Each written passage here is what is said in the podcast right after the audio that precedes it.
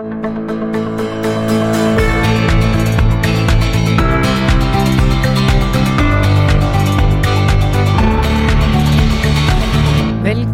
til Sirkuler, en podkast fra AFA Norge om sirkulærøkonomi og resirkulerte råvarer. Temaet i dag er politikk. Vi befinner oss på AFA Norges konferanse Sirkulær 21. Mitt navn er Nancy Strand, og med oss i dag har vi med oss nestleder i Miljøpartiet De Grønne, Chris Rokkan Chris Rokkan Iversen har bakgrunn som forsker, gründer og politiker. Og du er nå valgt som en av to nestledere fra Miljøpartiet De Grønne. Velkommen til deg. Tusen takk, veldig hyggelig å være her. Du, um, Chris, du er jo ganske ny uh, i rikspolitikken.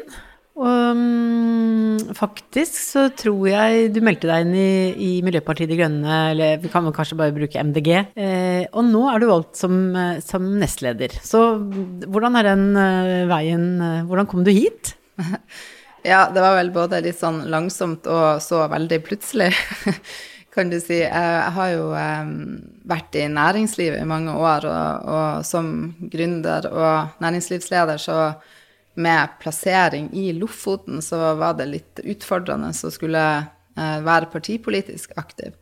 Eh, og så når jeg gikk fra privat til offentlig sektor, eh, så begynte jeg plutselig å tenke at hei, jeg kan jo melde meg inn i et politisk parti. Eh, og så eh, gjorde jeg vel egentlig den researchen sånn som ungdomsskoleelever gjør. Jeg, eh, og kanskje ikke så mange voksne gjør, men det anbefales, er å gå gjennom liksom, hva står de forskjellige partiene for, hva er det som passer med det som er viktig for meg.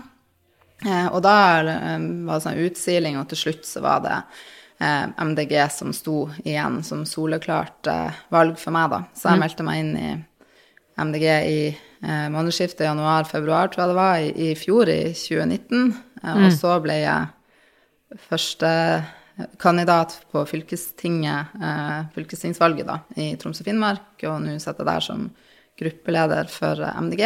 Og så eh, ville holdt på å si, skjebnen det sånn at jeg ble valgt som nestleder eh, for MDG nå i eh, i eh, april i det digitale landsmøtet. Og det mm. kom jo litt sånn overraskende på, men jeg, men jeg føler at rollen uh, passer meg veldig bra, selv om jeg selvfølgelig litt sånn, har litt sånn L på ryggen. at, jeg, at jeg, jeg må, det er mye å lære ja. for oss som ikke er sånne partidyr som har vært i systemet veldig lenge. Mm. Men kanskje nettopp eh, er det det vi trenger, er eh, kombinasjonen av erfarne politikere og nye som kommer inn med et litt nytt tankegods og litt nye ikke så, eh, hva skal jeg si, etablert politisk måte å tenke på? Ja, altså jeg tror jo at det er en fordel. Jeg tenker at Stortinget og regjeringa vår skal representere et mangfold, men også ha kunnskap både om hvordan politikk fungerer som et håndverk, men at vi også trenger forskjellige typer erfaringsgrunnlag, og gjerne at man, man har vært ute i samfunnet utafor for, for, Stortinget. Da. Så, så, jeg tror det er positivt. Og jeg har også fått kommentarer på at uh, vi burde ha flere biologer i politikken. ja, altså uh, du kommer med et stort uh, miljøengasjement, men du har jo også bakgrunn som, som eh, leder i næringslivet og har jobbet innenfor rammene av en, av en, økonomisk tenkning. Så, så liksom, hvordan skal disse tingene kombineres? Ja, da tenker jeg jo at, at sirkulærøkonomi er en, en, en, absolutt stor del av løsninga. Um, jeg Ei oppfatning jeg har da, er at i hvert fall sett utenfra, og jeg er jo veldig ny inne i politikken, så, så er fortsatt sånn Det der innenfra-utblikket har jeg ikke helt ennå, men det kan jo være veldig lærerikt å være litt sånn den observatøren som kommer inn og ser hvordan det her henger sammen, egentlig. Men oppfatninga mi er jo ofte at, at man har en tendens til å tenke politikk i litt sånn siloer, eller litt sånn sektorbasert, på en måte.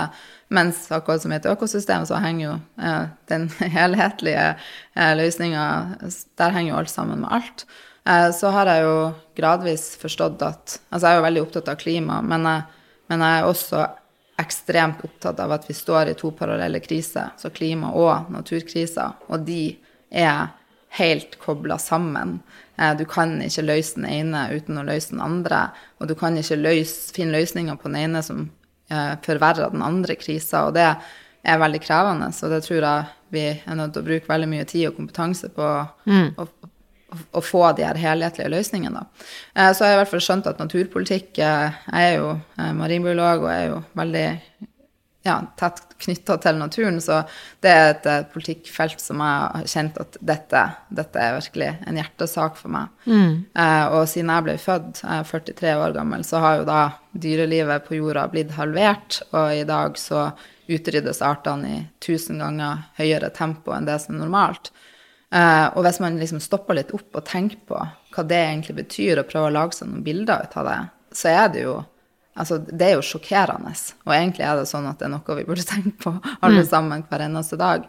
Uh, så for meg er det en veldig alvorlig situasjon. Um, og så uh, har jeg jo da lang erfaring som gründer uh, og, og, leder i næringslivet, og for meg så er også næringspolitikk veldig interessant. Og de to tingene er ikke adskilt, sånn som jeg ser det. Jeg tror at det er jo kanskje i koblinga mellom de to Eh, at mange av løsningene finnes, altså naturbaserte løsninger. og, og eh, opptatt av f.eks. å lære av økosystemet for å finne løsninger og nye, eh, nye former for næringsliv, f.eks. Altså, hva er det et mm. økosystem mm. egentlig gjør? Eh, jo, det fanger karbondioksid for å eh, produsere biomasse som kan spises eller brukes til noe. Så da er vi jo inne i det sirkulære, altså på regenerative mm.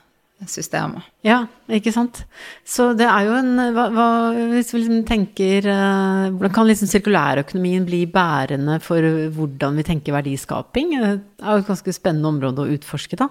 Ja, jeg tror uh, det første som kanskje er helt grunnleggende og det sentrale for å virkelig få et skifte fra det lineære til det sirkulære når det kommer til økonomi og løsninger, er jo rett og slett det som sitter mellom ørene. Jeg tror at det er helt påkrevd og krevende eh, med ei endring av tankesett. Eh, for jeg tror at vi har veldig mange barrierer mentalt i forhold til at vi tror at det ikke går, eller det kommer til å bli så vanskelig, vi kommer til å miste arbeidsplasser. Mens eh, de tallene jeg har sett fra internasjonale undersøkelser bl.a., viser jo at det er kjempestort potensial for nye arbeidsplasser innenfor sirkulærøkonomien. Og, og så er det jo også det å klare å se at en del av de tingene vi allerede holder på med, faktisk er en del av eh, sirkulærøkonomien. Eh, så, sånn at jeg tenker at det, eh, vi må begynne med måten vi tenker på. Og det handler jo om å faktisk se at dette er helt nødvendig. Eh, vi må ville det, og vi må også forstå at eh, det er de som eh, lykkes med å tenke sirkulært fremover, og faktisk eh, omstille bedriftene sine til å være en del av sirkulærøkonomien som kommer til å ha den nødvendige konkurransekrafta inn i det grønne skiftet mm. på verdensbasis. Mm, mm.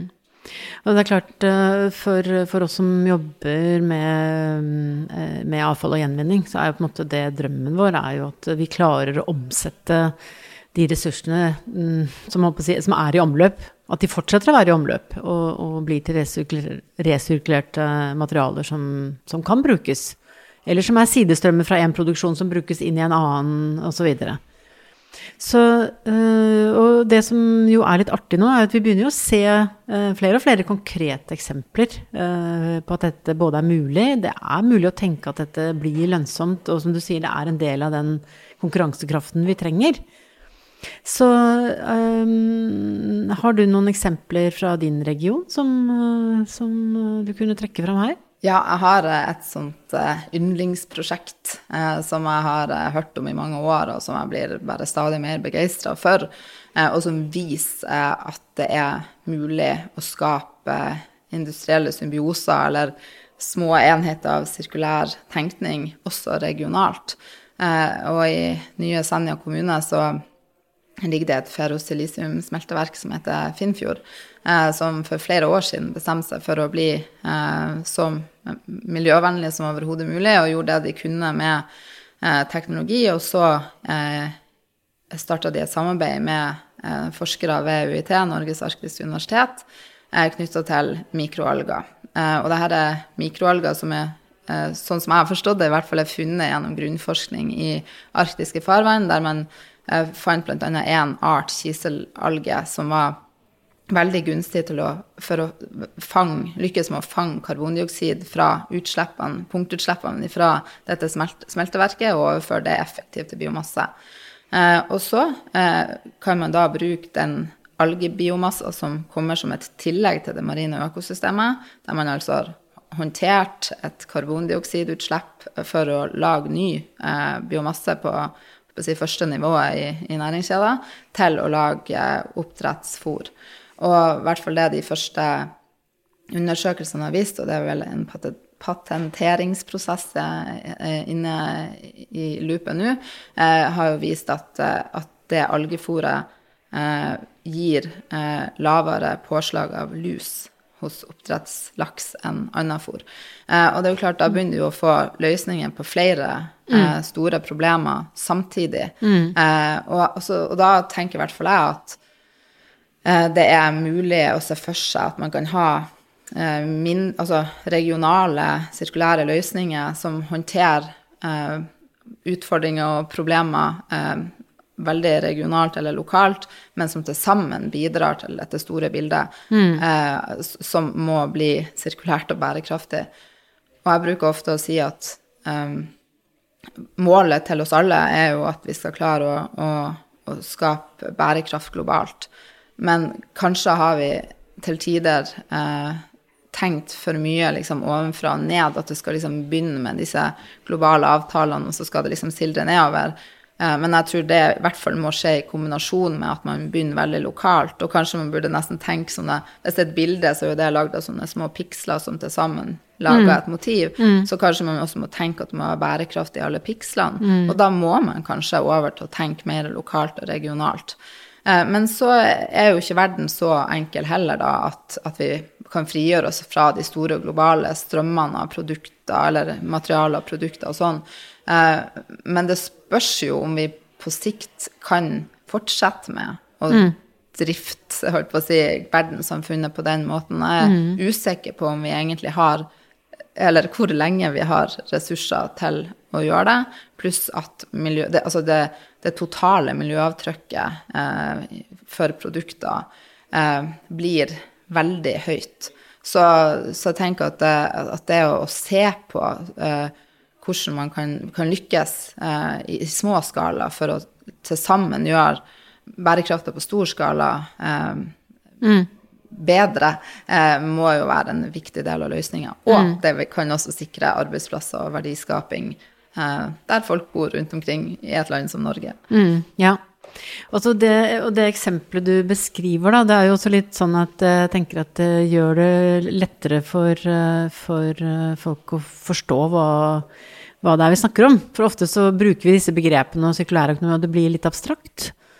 Men når, kan, når, man kan se det i sin lokale, i sitt nærmiljø, eller man kan beskrive det, uh, at dette skjer i din region, uh, her har vi fått til dette, og det skaper arbeidsplasser sånn, det løser miljøproblemer der, så får jo folk mer, mer eierskap til det også. Jeg tror jo at noen ut av de barrierene vi er nødt til å på en måte Eh, komme oss over for å komme videre på sirkulær økonomisk utvikling, handler jo om viktige ting i folks liv, sånn som arbeidsplasser og det at man har en kommuneøkonomi knytta til verdiskapinga lokalt, ikke sant, som, som, som, eh, som, gjør at det er mulig å, å, leve der man ønsker å leve, da. Eh, og jeg er jo da både personlig og som MDG-politiker utrolig kritisk til de Eh, altså til at man får lov til å bruke de deponeringsmetodene for, eh, for deponering av gruveavfall i Førdefjorden og Repparfjorden. Jeg har tenkt veldig mye på, på det, spesielt Repparfjorden, som er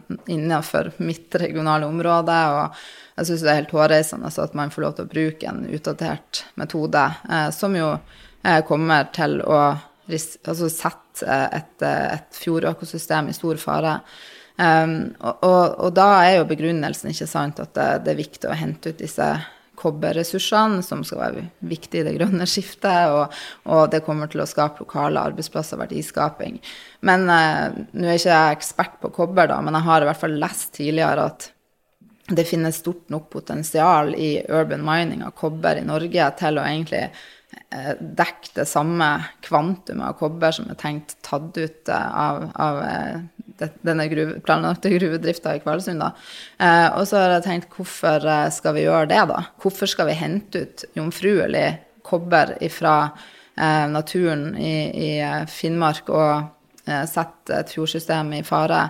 og, og ja, og fortsette på den måten hvis det finnes muligheter for å bruke materiale, altså kobber som allerede er henta ut. Og der uh, har en, i hvert fall én tanke slått meg, og, og, det er en tanke og, og kanskje Altså det er noe vi må ta på alvor, da, at eh, hvis man f.eks. skal heller drive med urban mining av kobber, så kommer det neppe til å skje i Kvalsund kommune. Det kommer kanskje til å skje mm. på Østlandet, en plass der det er større tilfang av materiale. og der man har de rette teknologiske systemene og sånn. Og da vil jo ikke arbeidsplassene og sysselsettinga til akkurat det tilfalle en kommune som, som ønsker seg det i forbindelse med gruvedrifta, da. Mm. Og det tror jeg er noe vi må finne løsning på. Og derfor mm. syns jeg dette eksempelet fra Finnfjord er veldig sånn oppløftende, for at det viser at man også kan lykkes med å skape arbeidsplasser og verdier knytta til sirkulære løsninger uh, ute i distriktene, da. Mm. Ja. Uh, men jeg har ikke enda et godt svar på hvordan man skulle sørger for at også Kvalsund kommune kan få en del av, av, kaka hvis man skal drive med urban mining av kobber istedenfor å hente den ut som jomfruelig materiale. Mm. Men det er klart at eh, det er jo et, eh, et, dilemma som vi ser på flere områder når det gjelder å utnytte avfallsressurser også. Eh, fordi du er på en måte avhengig av å lage en industri. Altså man må tenke en industriell prosess for at det skal bli lønnsomt. Og det er, det er, globale markeder for materialer som du skal være en del av. Og hvis ikke du får den lønnsomheten til å henge sammen, så er det ikke bærekraftig over tid. Så, så hvordan skal man hvordan man skal få disse si, uh, ulike systemene, da, fra det lokale, regionale og hele globale systemet til å henge sammen, det, det, det er noen Apropos du var inne på dette med mindset. altså Vi er inne på noen store utfordringer her. Ja, og så tenker jeg òg at det handler om eh, hvordan, hvordan, man ser for seg hele denne verdikjeda eh, som vi jo egentlig snakker om her. Hvordan skal mm. vi klare å så, som, eh, som, eh, en god venn av meg eh, sa i går, man kan ikke være sirkulær alene. Og det syns jeg var et utrolig godt sitat. ja, fint. Eh, og, og, og, og, det er jo litt det det handler om her. Hvordan skal vi lykkes med å både tenke eh, sirkulært skifte, holdt på å si, enkelte verdikjeder som er utfordrende, utfordrende nok i seg sjøl, men også se det liksom, i ei stor helhet på tvers av sektorer. og, um, også i forhold til både det politiske og virkemiddelapparatet og eh, mm. bransjeorganisasjoner og næringsliv. Da tenker jeg at det både handler om eh, kirurgisk presisjon når det handler om hvor du skal sette inn virkemidlene, mm. eh, men at det også handler om å ha det liksom, eh, åpne utlysningen, f.eks. For, for at du ikke vet hva alle løsningene skal være. Det er jo på en måte en inkrementell prosess, det her med at veien vil til mens man går.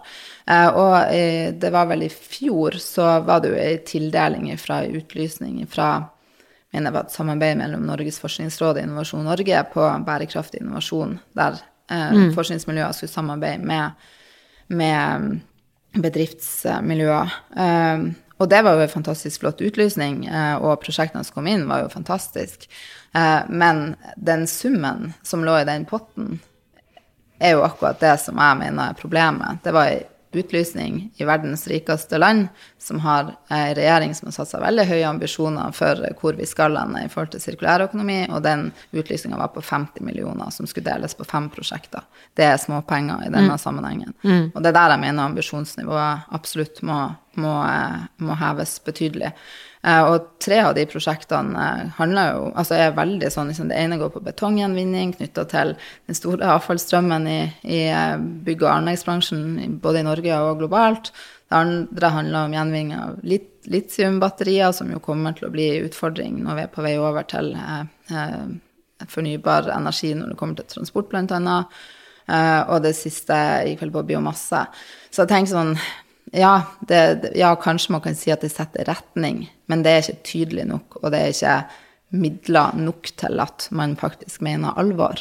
Så at vi må, vi må tenke det, vi må ville det, og vi må sette penger inn de rette plassene for å få det skiftet til å skje. Mm, mm, ja.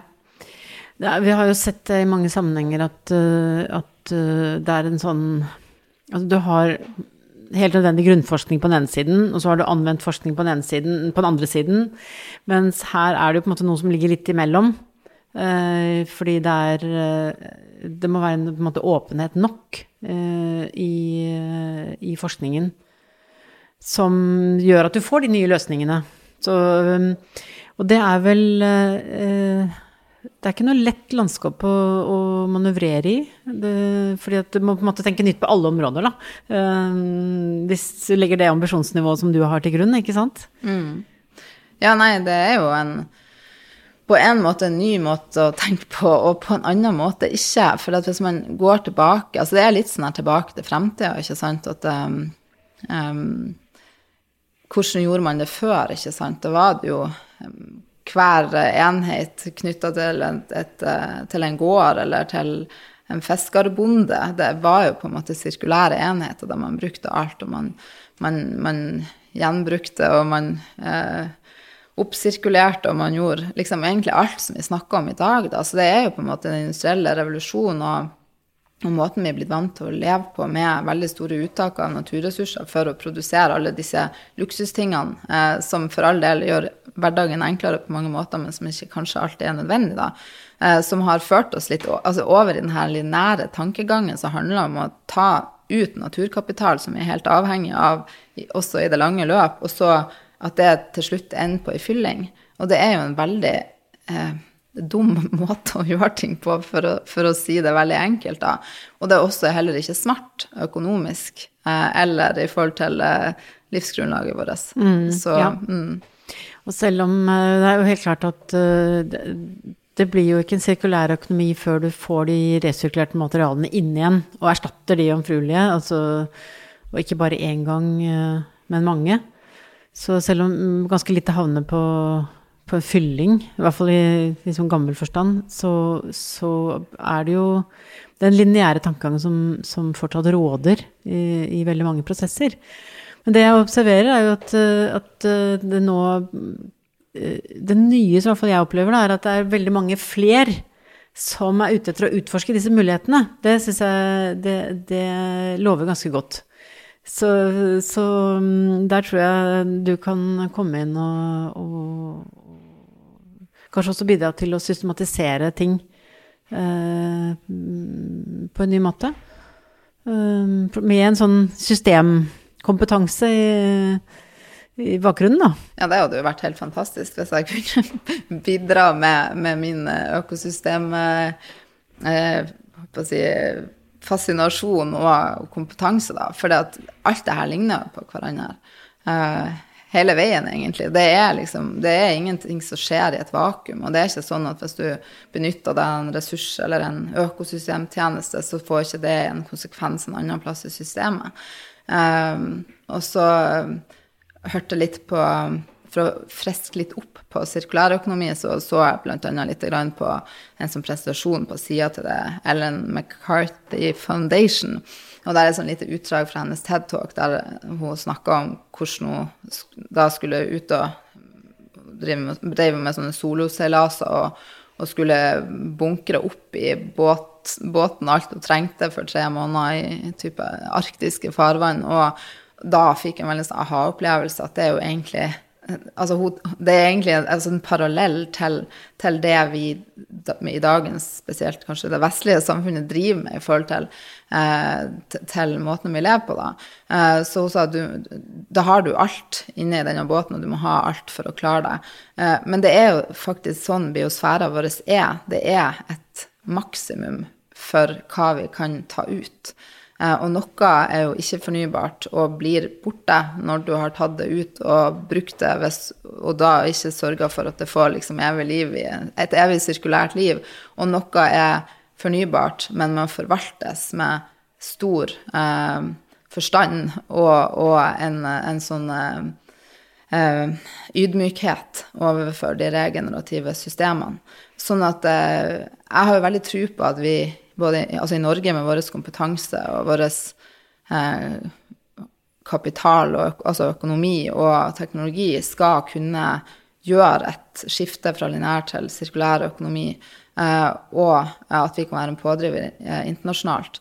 Eh, derfor, men det er der jeg mener ikke sant, at det begynner jo med tankesettet. Og der tror jeg vi fortsatt dessverre har en vei å gå. Og så er jeg glad for å se at eh, bransjen sjøl, og også flere sektorer nå, altså aktører på tvers av forskjellige eh, siloer, eh, er pådrivere og sier at eh, vi ser at dette er nødvendig for å få konkurransekraft i våre europeiske eller globale markeder. Og så må jo da politikerne til slutt på en måte gi etter for dette presset, tenker jeg. Men jeg skulle jo ønske at det var en mer parallell prosess, eller at politikerne dro, og at man, man satte i felles retning, da. Mm, mm.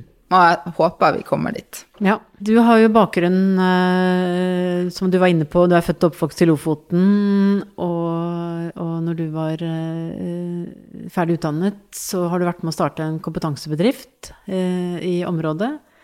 Så kan du si litt om hvordan det kom i gang, og hva ble arbeidsområdet deres? Ja, eh, under, eh, under doktorgradsutdanninga mi så traff jeg en annen stipendiat som heter Kjersti Busch. Eh, og jeg er jo fra Lofoten og hadde veldig lyst til å flytte hjem, og hun hadde veldig lyst til å flytte til Lofoten, så vi ble enige om at vi var nødt til å starte vår egen arbeidsplass. For det er jo fort sånn at man utdanner seg litt bort fra distriktene. Det er i hvert fall det man får høre, og det fikk vi absolutt høre. Men vi hadde lyst til å bo i Lofoten, og så hadde vi lyst til å jobbe med eller bruke vår kompetanse eh, om havet. Jeg som marinbiolog og hun som akvakulturist.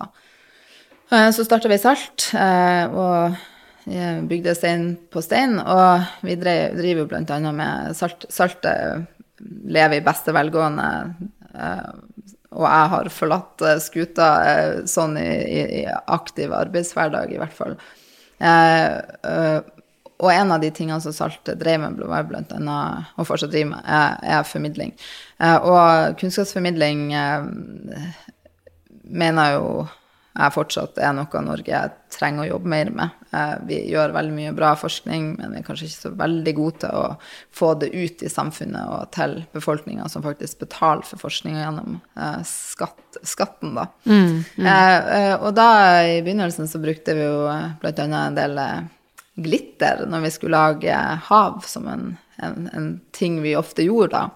Eh, og det, i dag ville jeg jo aldri gjort det, for jeg vet jo at eh, glitter er lagd av plast. Eh, men eh, saltet ble ti år i år, og det sier jo litt om hvor fort eh, egentlig denne økte bevisstheten rundt marin forsøpling har skjedd. Både for mm. seint, men også at det har skjedd fort når det først skjedde, da. Ja. Eh, og Eh, så, så, ja, kanskje de siste fem årene så har Salt vært veldig aktiv innenfor marin forsøpling, og kanskje er det enda lenger. Og da hadde vi bl.a. en del sånne turer på yttersida av Lofoten og var med på noen sånne ryddeaksjoner der og arrangerte noen ryddeaksjoner der jeg virkelig forsto eh, hvor ille det var. Eh, av og til så lurer jeg på hvorfor jeg ikke hadde fått det med meg før, på en måte. Men jeg, jeg, bruker ofte å si at marin forsøpling på en måte er en oljekatastrofe i sakte film. Eh, og det er litt sånn, hadde alle strendene vært rene i dag, og du hadde våkna i morgen, og, og, det var så mye plast som det egentlig er, så tror jeg du virkelig hadde fått en skikkelig støkk. Men det er noe med sånne ting som skjer så gradvis at du bare blir vant til at det er sånn. Eh, og da etter hvert så, så, så, har da Salt bygd en ganske stor kompetanse på marin forsøpling, og jeg jobba jo mye med det før jeg forlot Salt for eh, to og et halvt år siden og gikk over i, i offentlig sektor. Um, men eh, i alle fall så har jeg sittet ofte og drodla på hva er det som egentlig er problemet med marin forsøpling.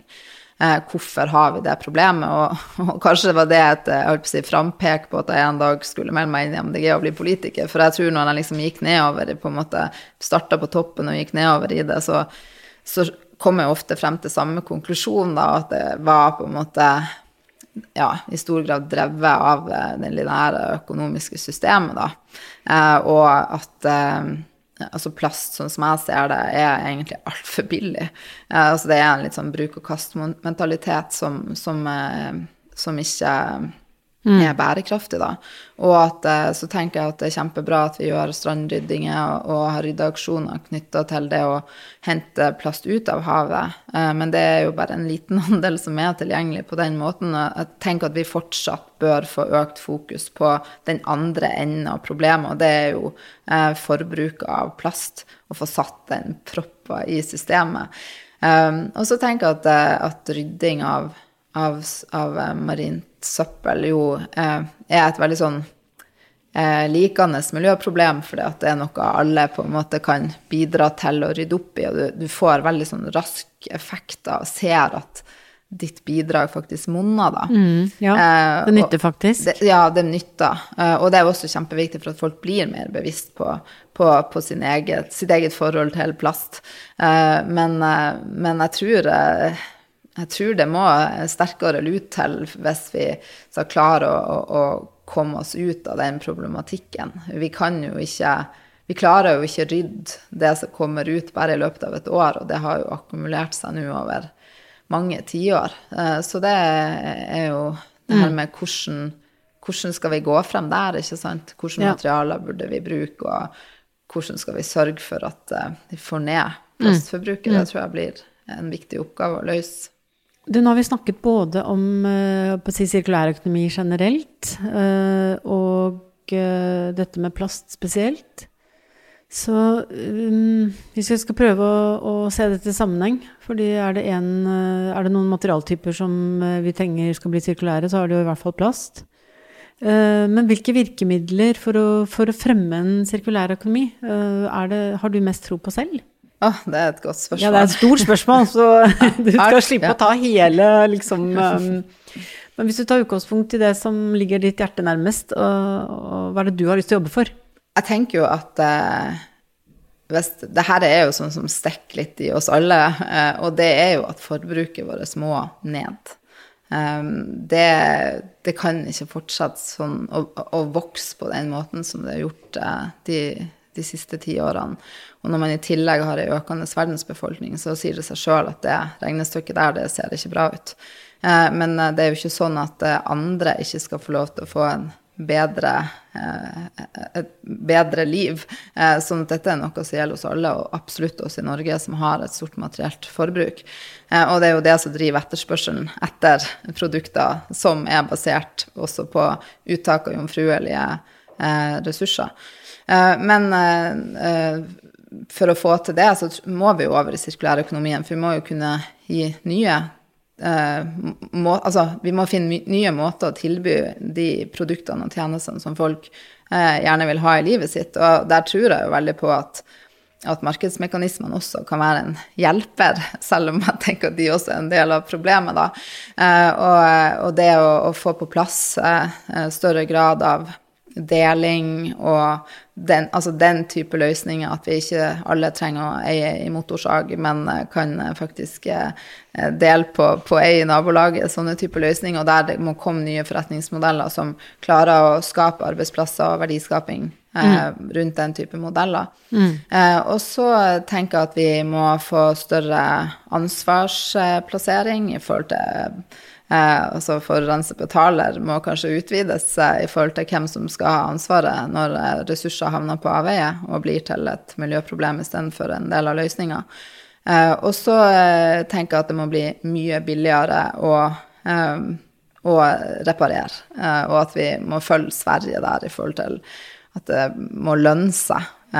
ikke bare for de som får utført reparasjon, men for de som faktisk eh, har kompetansen til å utføre en reparasjon også. Mm. Så jeg tror at det er veldig mange ting som må skje samtidig, men politisk sett så, så tenker jeg jo at, um, at man, sånn som vi har vært inne på tidligere, det her med at det må være helhetlig, en helhetlig tankegang. Vi må endre måten vi tenker på, vi må ville det, vi må sørge for at vi tar i bruk verktøyene som er nødvendige for å få det til å skje i forhold til Eh, hvor vi bruker pengene våre for å skape en fremtid som er levelig for både mennesker og miljø. Mm. Ja, tusen takk eh, til deg, og takk for at du kom til Apo Norges podkast. Og takk for alle de tankene du har delt. Ja, tusen takk for at jeg fikk lov å komme. Og så må jeg bare ønske alle lyttere lykke til med deres sirkulære prosjekter, for det at det er så viktig for eh, fremtida til oss alle. Mm. Ja, da tror jeg vi skal kvittere med å si lykke til til deg i utviklingen av politikken videre. Og vi sier takk til alle som har hørt på. Og takk til vår produsent Soundtank. Og har du innspill til eh, flere episoder og temaer du har lyst til at vi skal ta opp i podkasten, så send det gjerne til sirkuler.afanorge.no. Og mer informasjon kan du også finne på nettsidene våre afanorge.no. Ha det riktig bra!